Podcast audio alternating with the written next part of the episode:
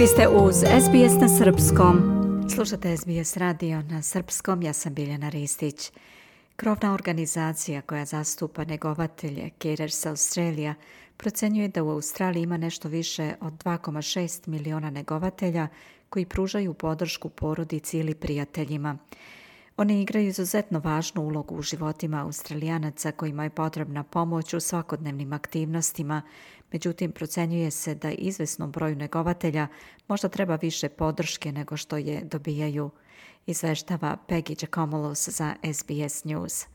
Oni pružaju neophodnu pomoć za jednog od deset australijanaca koji su njihovi prijatelji ili članovi porodice, nemoćni su, stariji, Ljudi sa invaliditetom ili pate od mentalne bolesti, imaju problem sa drogom ili alkoholom ili bilo koje drugo hronično stanje ili bolest. Bez njihove pomoći australijski sistemi medicinske i socijalne podrške ne bi bili u stanju da se nose sa svakodnevnim potrebama australijanaca kojima treba takva vrsta nege. Negovatelji pomažu takvim ljudima u aktivnostima kao što su tuširanje, hranjenje, transport, kupovina, socijalna podrška. Alison Brooks, izvršna direktorka organizacije Cares Australia, kaže da su sami negovatelji često veoma lošeg fizičkog i mentalnog zdravlja i nekad mogu i sami postati socijalno izolovani. Gospođa Brooks kaže da rezultati njihove ankete o blagostanju negovatelja iz 2022 pokazuju da je ovo sagorevanje po dužnosti, kako se izrazila, posebno rasprostranjeno među negovateljima srednjih godina. Mislim da kao zajednica treba da se oslanjamo jedni na druge. Svako zna nekoga ko je negovatelj ili nekoga o kome se brine i pomislite samo o uticaju takve vrste brige pri kojoj staratelj daje sve od sebe da pomogne drugima, to im često ne ostavlja mnogo vremena za brigu o samima sebi. Zato razmislite o negovateljima u svom životu i o tome šta biste mogli da uradite, da im pomognete, da ih održite u toj ulozi i da pomognete njima lično. Negovatelji pripadaju svim starosnim grupama. Dok su ljudi u srednjim godinama statistički gledano skloniji da brinu o prijateljima i porodici i mladi ljudi poput 19-godišnjeg Lukasa koji živi u regionalnoj Australiji također preuzimaju tu ulogu na sebe. On je staratelj svog brata koji ima dijagnozu autizma i ponekad se stara o svojoj majci kojoj je dijagnostikovan posttraumatski stresni poremećaj, ali i depresija. Iako je majka glavni negovatelj njegovog brata, i on se uključuje kad ona doživi depresivne epizode. Mama je glavni negovatelj koji vodi brigu o Jacobu, ali kada ona padne u depresiju, kad njen posttraumatski stresni poremećaj i depresija počnu da pokazuju svoju pravu boju, ja moram da preuzmem ulogu staratelja i tu sam za mamu. Neko sa kime može razgovarati, neko ko će joj pomoći, oko kućnih poslova i sl. Neplaćeni negovatelji također imaju pravo na niz usluga podrške, uključujući savjetovanje, zamenu da mogu da se odmore i u nekim slučajevima dodatak za negovatelje.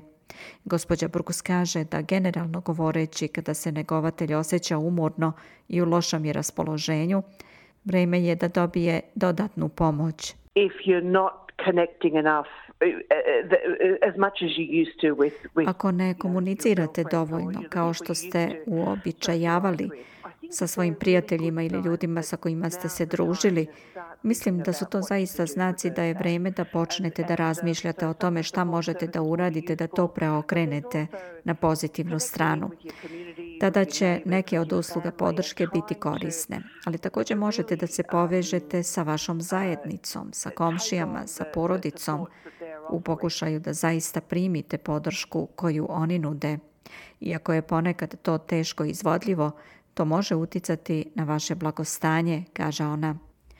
Osnovna pomoć koju nudi organizacija Servisi za Australija neplaćenim negovateljima je pomoć koja se zove Carer Payment – a za koju se vrši procena prihoda i imovine, osobe koja prima negu i negovatelja. Iznos pomoći može biti ravan iznosu starosne penzije, age pension. Da bi se kvalifikovao za care payment, negovatelj mora lično da pruža stalnu i značajnu negu jednoj ili više odraslih osoba ili dece sa invaliditetom u domu negovatelja ili osobe koja prima negu. To je važna podrška koja olakšava teret državnim uslužnim agencijama i znači da ljudi mogu da ostanu u svojim domovima. Iako velika većina negovatelja koji primaju isplatu pruža veliku podršku voljenim osobama, to nije uvijek slučaj. I've had a lot of tremors. I can't do anything. Where is the help? Mnogo drhtim, ne mogu ništa da radim. Kakva pomoć? Usamljena sam, nema nikoga uz mene. Šta da radim? Niko nam ne veruje.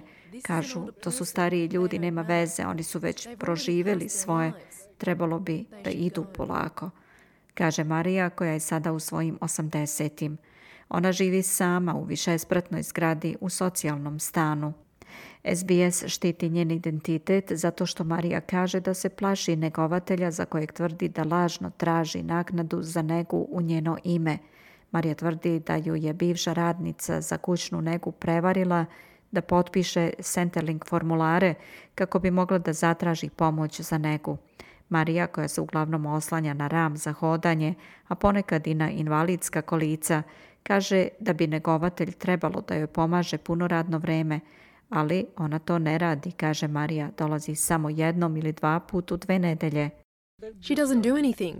Ona ne radi ništa. Kad sam pod tušem, ona je na polju, radi nešto drugo. Mnogo puta sam morala da se zakačim za rešetke, da ne bih pala pod tušem. Socijalni radnik koji podržava Mariju rekao je za SBS da je kontaktirao Centerlink u tri navrata u proteklih šest mjeseci kako bi uložio žalbu zbog navodne prevare.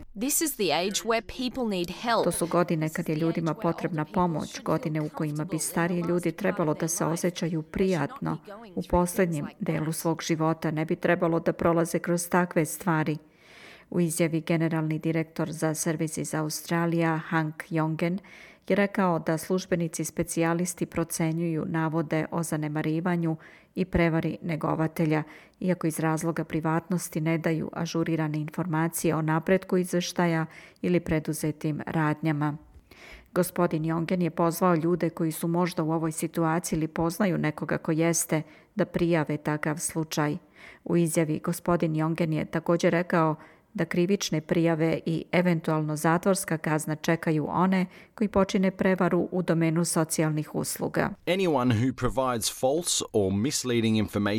Svako ko pruži lažne ili obmanjujuće informacije da bi zatražio isplatu za koju ne ispunjava uslove, možda počini socijalnu prevaru. Imamo sveobuhvatne provere i mere za otkrivanje prevara i bit ćete otkriveni. Ako pronađemo dovoljno dokaza o krivičnom ponašanju, Možemo prosljeđivati takve slučajeve direktoru javnog tužilaštva Commonwealtha. To može dovesti do krivičnih prijava i zatvora. Ian Yates je izvršni direktor veća koje se naziva Council of the Aging.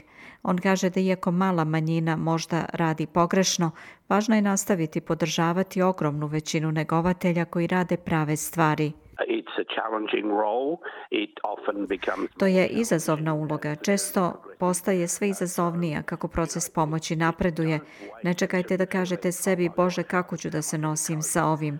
Potražite organizacije kao što su Carers Gateway i Carers Australia ili druge vladine organizacije. Potražite od njih smernice, raspitajte se za resurse. Imaju mnogo načina da vam pomognu. Možda vam neće trebati sve te vrste pomoći, ali da znate da postoje i da možete pronaći dobre savete kako da proces pružanja pomoći učinite lakšim. Emocionalna, praktična i financijska podrška za negovatelje dostupna je ako pozovete broj telefona 1800 422 737. Ljudi mogu kontaktirati i nacionalnu liniju za prijavljivanje maltretiranja starijih National Elder Abuse Line na 1800 353 374 gde mogu dobiti savjete i podršku tokom 24 časa dnevno, 7 dana u nedelji. Pozovite 3.0 ako ste u neposrednoj opasnosti. Autor ovog priloga je Peggy Giacomolus. Ja sam Biljana Ristić, slušate program na srpskom. Želite da čujete još priča poput ove? Slušajte nas na Apple Podcast, Google Podcast, Spotify ili odakle god slušate podcast.